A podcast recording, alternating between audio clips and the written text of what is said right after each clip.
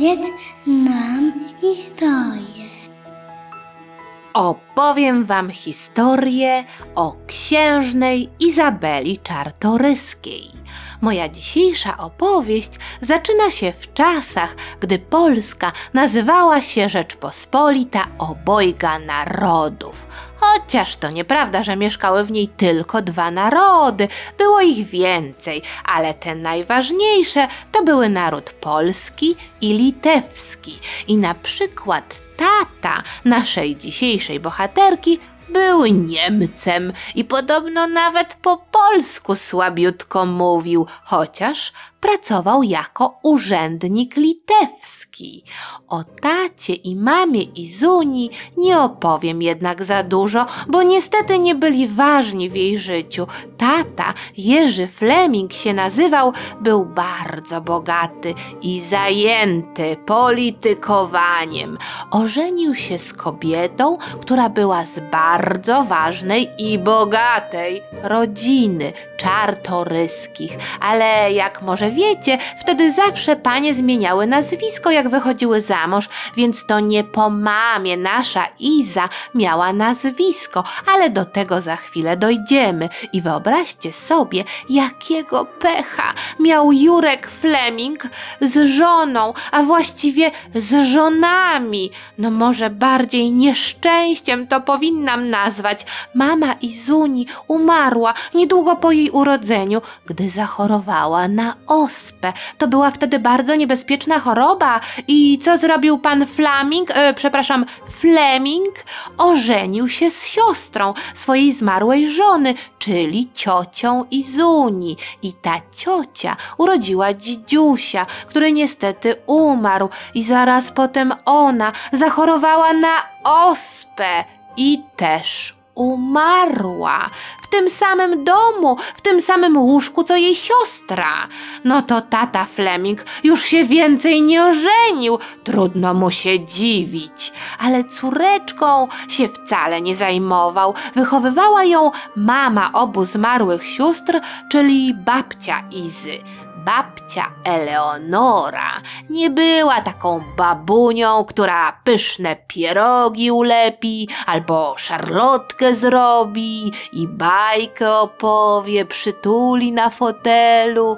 O nie, babcia Eleonorcia uważała, że zadaniem kobiety jest szybko i bogato wyjść za mąż i rodzić dzieci.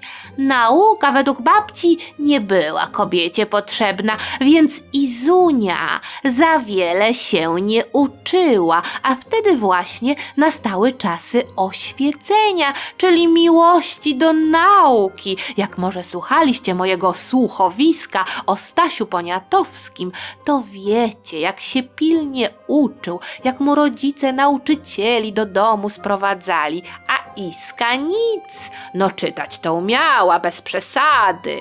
A zresztą Stasio to był wujek Izuni. Mówiła na niego Antek, bo zanim został królem nazywał się Stanisław Antoni i bardzo się lubili. To mógł ten Antoś podzielić się z Iską nauczycielami, prawda?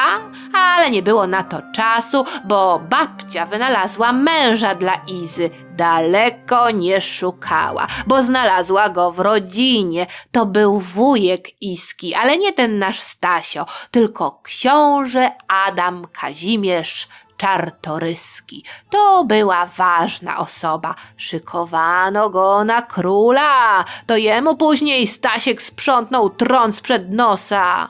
Chociaż Adaś to się nie palił do tego tronu, bardziej to jego tatu ścisnął.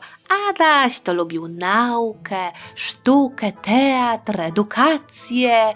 O, i mu taką głupią żonę dali, bo jego to też nikt za bardzo nie pytał, czy chce Izunię za żonę. Tatko zdecydował, bo mimo, że jego familia czartoryskich sporo kasy, pałacy ziem miała, to chciała jeszcze więcej, a jedynaczka Izunia po bogatym tatusiu Flemingu majętna była ale nie myślcie, że Adaś w chwili ślubu był dzieckiem. Nie, on miał wtedy 27 lat. ale Izunia jak najbardziej dzieckiem była. Miała 15 lat, gdy składała przysięgę małżeńską. No cóż, takie były czasy. Jak siostra Adasia, lubomirska Elżbieta się nazywała, zobaczyła naszą Izunię, to prawie się popłakała ze złości. Co? Mojemu ślicznemu, mądremu bratu dali za żonę taką głupią i brzydką smarkulę? Bo Izunia jeszcze w dodatku niedługo przed ślubem miała ospę i blizny jej zostały na twarzy. Podobno włosów za dużo nie miała, bo wyłysiała przez tę ospę. Blada, chuda, nie prezentowała się dobrze. No ale jej majątek się prezentował dobrze i rodzina, no bo te flemingi i czartoryscy w tle, rozumiecie? Zaraz po ślubie Adaś nie zajmował się żoną za bardzo, to z nudów Iska bawiła się w taką zabawę, owijała się w płótno i staczała z takich wałów ziemnych otaczających dworek, w którym mieszkali, takich jakby no murów obronnych. Pewnym momencie jednak mąż stwierdził, że zabierze żonę w swoje edukacyjne podróże. Może się bał, że staczając się na tych wałach, to już kompletnie się stoczy i nic z niej nie będzie. I powolutku, pomalutku zaczął mąż żonie pokazywać świat oświecony. Wszyscy opowiadają, że zaprowadził ją do takiego super znanego filozofa. Jan Jakub Rousseau się nazywał. Ale Izunia wtedy jeszcze nie doceniła mądrości filozofa, bo skupiła się na jego żonie, która bardzo jej się nie spodobała. Iska opowiadała, że to była gruba, niemiła baba w wiejskim brudnym fartuchu, ale okazało się, że Izunia ma chłonny umysł. Coraz więcej się uczyła, dowiadywała, rozumiała i nie dała sobie w kaszę dmuchać na tych zagranicznych wycieczkach.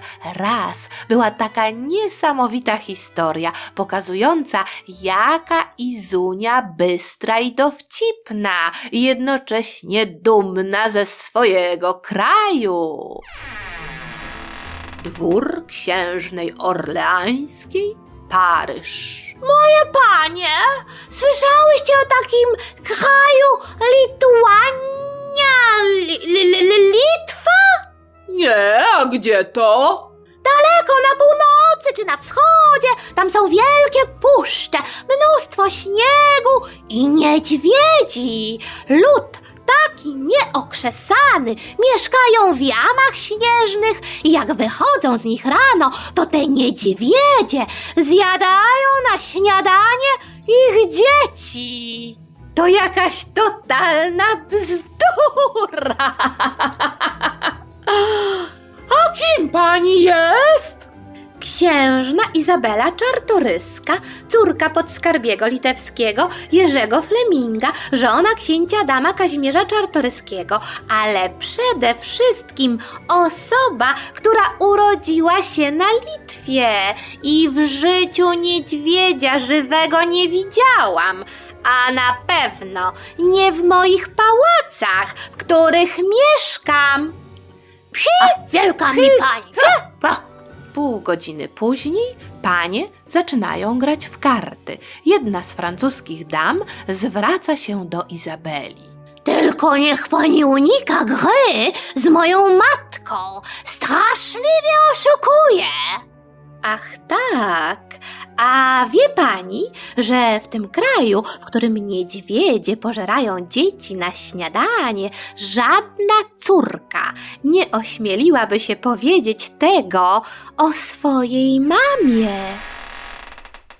A więc Iza mądrzeje, ale też pięknieje. Urodziła córeczkę i po tym porodzie wyładniała. Przestała być tak chorobliwie chuda, ślady po ospie zniknęły, loki odrosły i miała piękne oczy, ładny prosty nosek, no naprawdę zrobiła się z niej piękność i panowie zaczęli szaleć.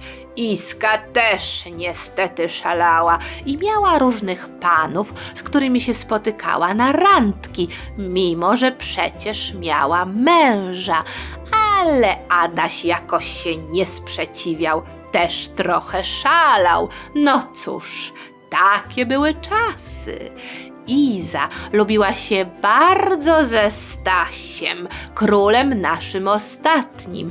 I gdy właśnie Stasiek był już tym królem, to poprosił ją, żeby się zajęła jakoś ambasadorem rosyjskim, który bardzo mu przeszkadzał kraj naprawiać.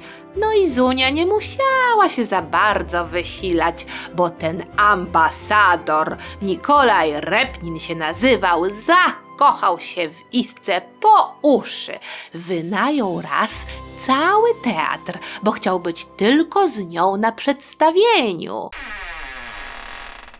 Księżno Izabelo, ja nie mogę bez pani żyć. Nikuś, ale powiedz mi, dlaczego tutaj nie ma nikogo na widowni, oprócz tych twoich osiłków, co zawsze sterczą pod twoim gabinetem i tego sztywniaka, co nosi za tobą perukę na zmianę? Chciałem być z panią sam na sam. Ja się uzależniłem od pani oczu. Mógłbym w nich zamieszkać. No, jak na razie, Nikuś, to zamieszkałeś w moim kraju. Niektórzy się tu y, skarżą, zwłaszcza Antoś, że przeszkadzasz. Izabelo, ja wam czartoryskim nic nie zrobię. Ja muszę tylko wasz kraj zanieść na tacy mojej imperatorowej. O niej nie rozmawiajmy dziś, błagam. Rozmawiajmy o nas. Oj, Nikuś, Nikuś, no właśnie, ta twoja imperatorowa Katarzyna, strasznie zachłanna. Niestety Iza wiele nie wskurała u tego Nikolaja, bo on oddzielał sprawy prywatne od zawodowych i dalej robił nam bałagan w kraju na zlecenie Katarzyny Wielkiej, czyli Kasicy Carycy, władczyni Rosji, która cały czas chciała mieć Polskę pod swoją kontrolą, rządzić w niej. I przez wiele lat nasza Iza nie zajmowała się za bardzo polityką, nie martwiła się tym, czym martwił się Stasio i jej mąż Adaś, że trzeba jakoś tę Polskę ratować, naprawiać. Iza rodziła kolejne dzieci, no to tak jak chciała ta jej babcia w sumie. Czasy były takie, że dzieci częściej niż dziś umierały, więc Izunia miała troszkę smuteczków. Najgorszy miała, gdy jej najstarsza Tereska miała już kilkanaście lat, zginęła w wypadku. Iza okropnie to przeżyła, no wiadomo. Iza nadal lubiła podróże, jeździła sporo po Francji, Anglii, Szwajcarii, podglądała jak są urządzone pałace i ogrody. Wtedy była moda na taki powrót do starożytnych czasów, czyli takie jakby świątynie greckich, rzymskich bogów, czy tam nimf w ogrodzie, ale też dużo takiej wiejskiej prostoty. Iza uwielbiała kupować różne pamiątki, obrazy słynnych malarzy, ale też kupiła raz jedno ważne krzesło, które należało do słynnego angielskiego pisarza Williama Shakespeare'a. Napisał takie sztuki jak choćby Romeo i Julia, znacie? Dobry, ja słyszałam, że tutaj jest krzesło Szekspira, na którym lubił sobie siadać przy kominku. Ja bym bardzo chciała je kupić. Dobrze zapłacę. Y, 100 gwinei. Y, może 200? Dobrze? Pani się nie odzywa, tylko kiwa głową.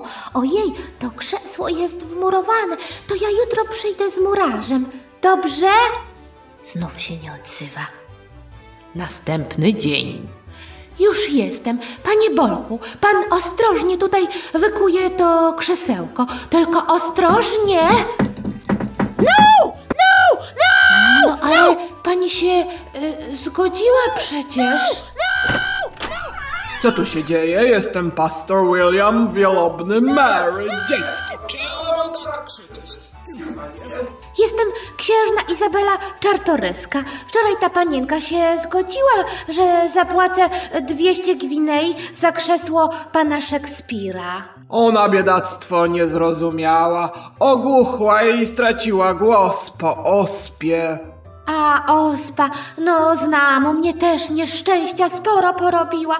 To może jakoś się dogadamy. Ja wezmę siedzenie i oparcie, a nogi zostawię. Może tak być? No, Mary, może tak być? Pani pyta. Tak, zgadza się. Chyba. Gdy jednak Adaś zaproponował, żeby zamieszkali w innym kraju niż Rzeczpospolita, Iza zakrzyknęła nie! Ale musicie wiedzieć, dlaczego Adaś, który też kochał swój kraj, tak zaproponował. Wtedy akurat nastąpił pierwszy rozbiór Polski, czyli poodcinały nam po kawałku kraju trzy inne państwa. No wiecie, opowiadałam o tym w filmiku, dlaczego były rozbiory. Rzeczpospolita zaczęła się sypać coraz bardziej. No to Izunia nie chciała jej zostawiać, ale nie żeby zaraz przystąpiła do walki. Ona się jeszcze nadal bawiła. Założyła taki park, który nawet nazywała swoim bawidełkiem. Ten park był już poza Warszawą, chociaż dzisiaj ten teren jest w Warszawie, bo to było tam, gdzie teraz jest cmentarz na Powązkach. A ja, jak byłam mała, mieszkałam niedaleko tego cmentarza, na ulicy, która się nazywa Izabeli, bez nazwiska. Może dlatego, że gdy ta ulica powstała, był w Polsce komunizm, a komuniści bardzo nie lubili księżnych. To nie zgodzili się na ulicę Izabeli Czartoryskiej, tylko samej Izabeli. No dobrze, wracajmy do czasów, gdy nie było komunistów i nie było cmentarza na powązkach, tylko ten superowy park. Iza zrobiła tam takie domki, chatki, w których dzieci sobie mogły mieszkać i spać. Pełno drzew, kwiatów, no taki mini raj. I Zula organizowała tam jarmarki wiejskie, festyny, zabawy, wszystko w takim ludowym, naturalnym stylu. Wtedy już znała filozofię tego Jana Jakuba Rousseau, który miał tę niemiłą żonę w fartuchu, bo to były często jego pomysły, żeby żyć tak zgodnie z naturą i bez podziału na ważnych i mniej ważnych, i na bogatych magnatów i biednych chłopów. Ale to było tylko tak w zabawie, bo nadal księżna Iza była ta bogata i ważna, a chłopi, którzy pracowali na jej ziemiach, byli biedni i nieważni. Księżna miała tam swój domek, bogato urządzony i miała w nim swoją kryjówkę. Jechało się do niej tajną windą i dojeżdżało się do łazienki z pozłacaną wanną i bajeranckimi, super drogimi porcelanowymi kafelkami. Mało proste życie, kąpanie się w złotej wannie, prawda? Adaś, Adasiu, e, kazałbyś Franciszce przynieść mi szampana i może żabie łódka? Już kąpiel trwa nie dla mnie, nie dla mnie plusk. Każda kropla w twej wannie, mój drąży mózg. Smukłe ciało pewnym momencie w Warszawie Adaś ze Stasiem się pokłócili, bo ich taka głupia ruska baba skłóciła. Stasiowi powiedziała ta baba, że Adaś chce go zabić, a Adasiowi, że Stasio, chce mu skrócić życie. No, koszmar. Adaś się wkurzył, bardziej niż Stasio, który w pewnym momencie uznał, że to bzdura i machnął ręką, ale i tak po sądach się ciągali.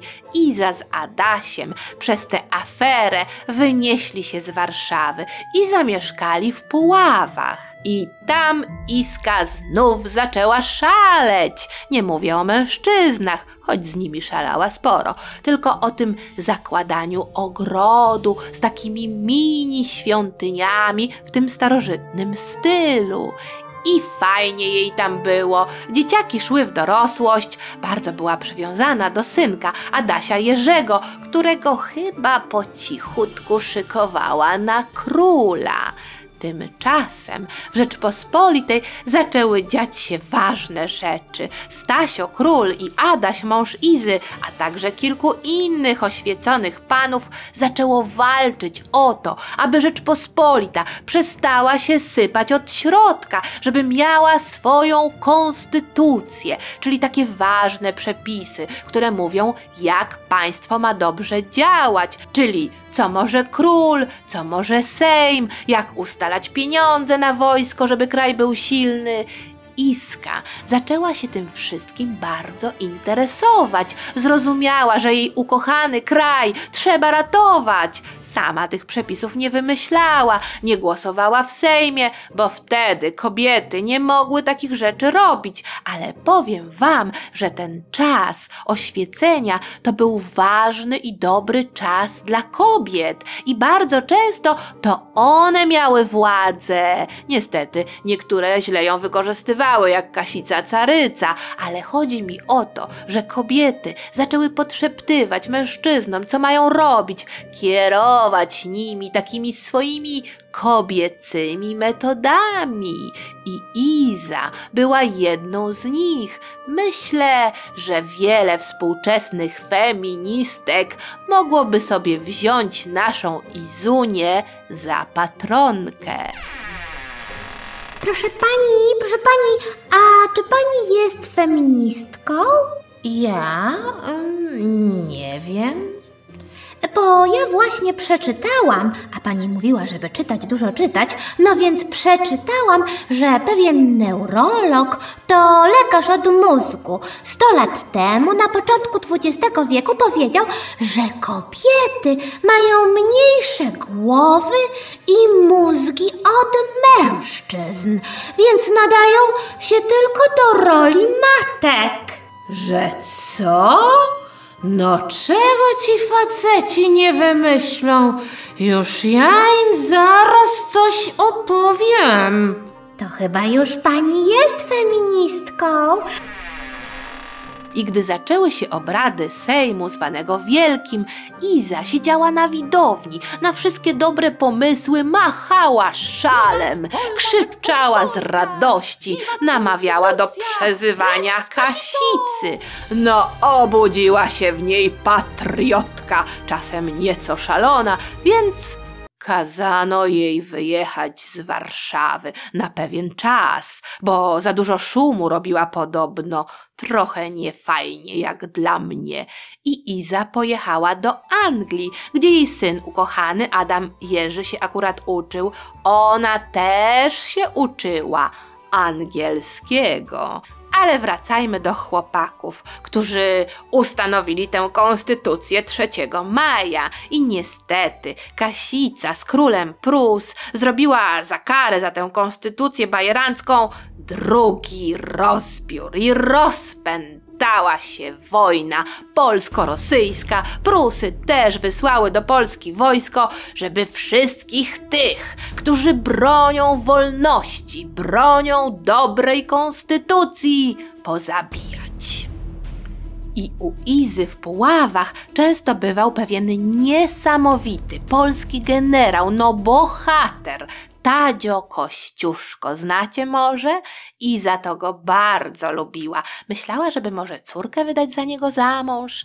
A Kasica Caryca, czyli carowa Katarzyna Wielka, to nienawidziła takich jak Tadzio, mądrych polskich patriotów, którzy umieją walczyć i chcą walczyć o wolność Rzeczypospolitej, więc kazała Kasica zniszczyć Puławy, rosyjscy żołnierze tam wpadli. Iza i Adaś oczywiście uciekli i rozwalali meble.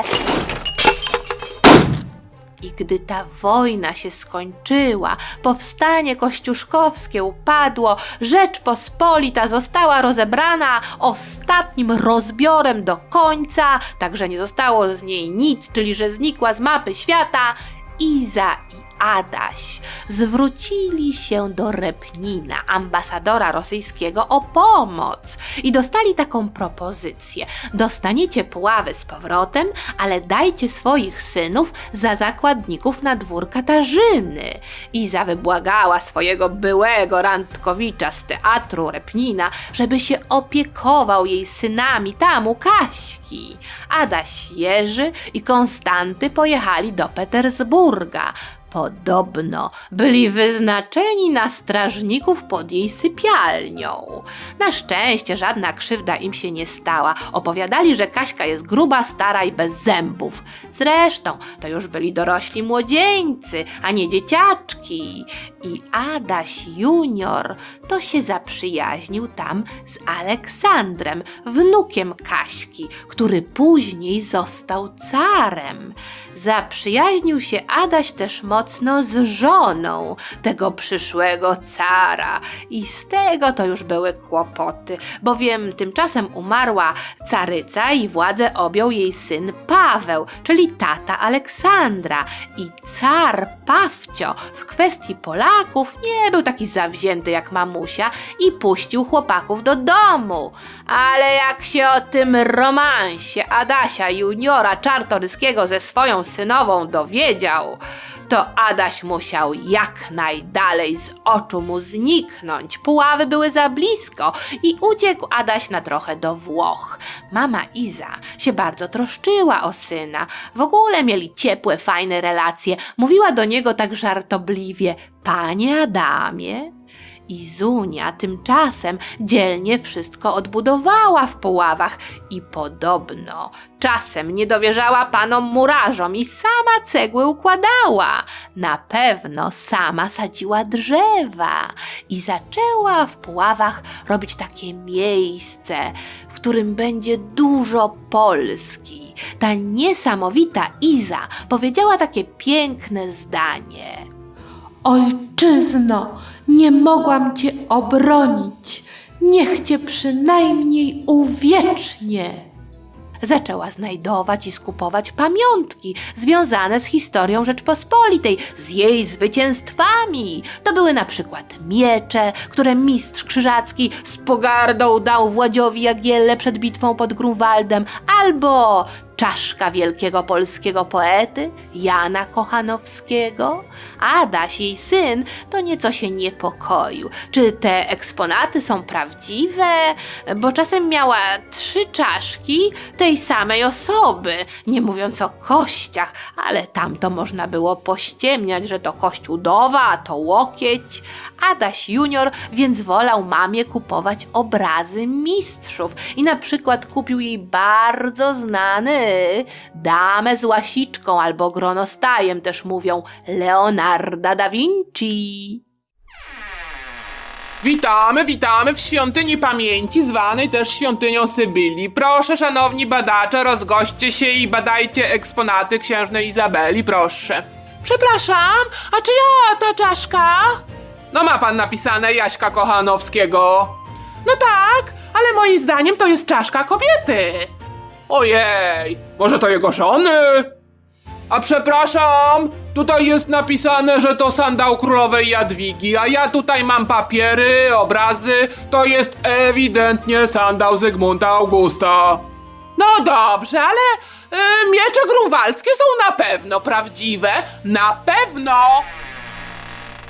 Iza, oprócz tych dwóch synków, co byli u carycy bezzębnej na dworze, miała jeszcze córki. Tą Tereskę, co zginęła w wypadku, Marię i Zofię i jeszcze podobno Cecylkę. Więc dużo ich, za długo by o nich tutaj opowiadać. Powiem wam tylko, że córeczka Maria to wyszła nieszczęśliwie za mąż. I to rodzice Iza i Ada się wkopali w to małżeństwo z Prusakiem. I Marysia była tak nieszczęśliwa, że się rozwiodła, a mąż Prusak zabrał jej synka. I ten synek został Niemcem. I potem, jak dorósł, to bombardował Puławę w jednej wojnie. A, bo Iza żyła bardzo długo, prawie 90 lat i dożyła takiego czasu, gdy o jej Puławy walczono w powstaniu listopadowym. Księżna Izabela z córką Marią pomagała uchodźcom. Z armat strzelał właśnie ten jej wnuk w szyby pałacu w Puławach. Księżno Izabelo, proszę się schronić! Strzelają! Teraz gram w karty. Ja mam 85 lat.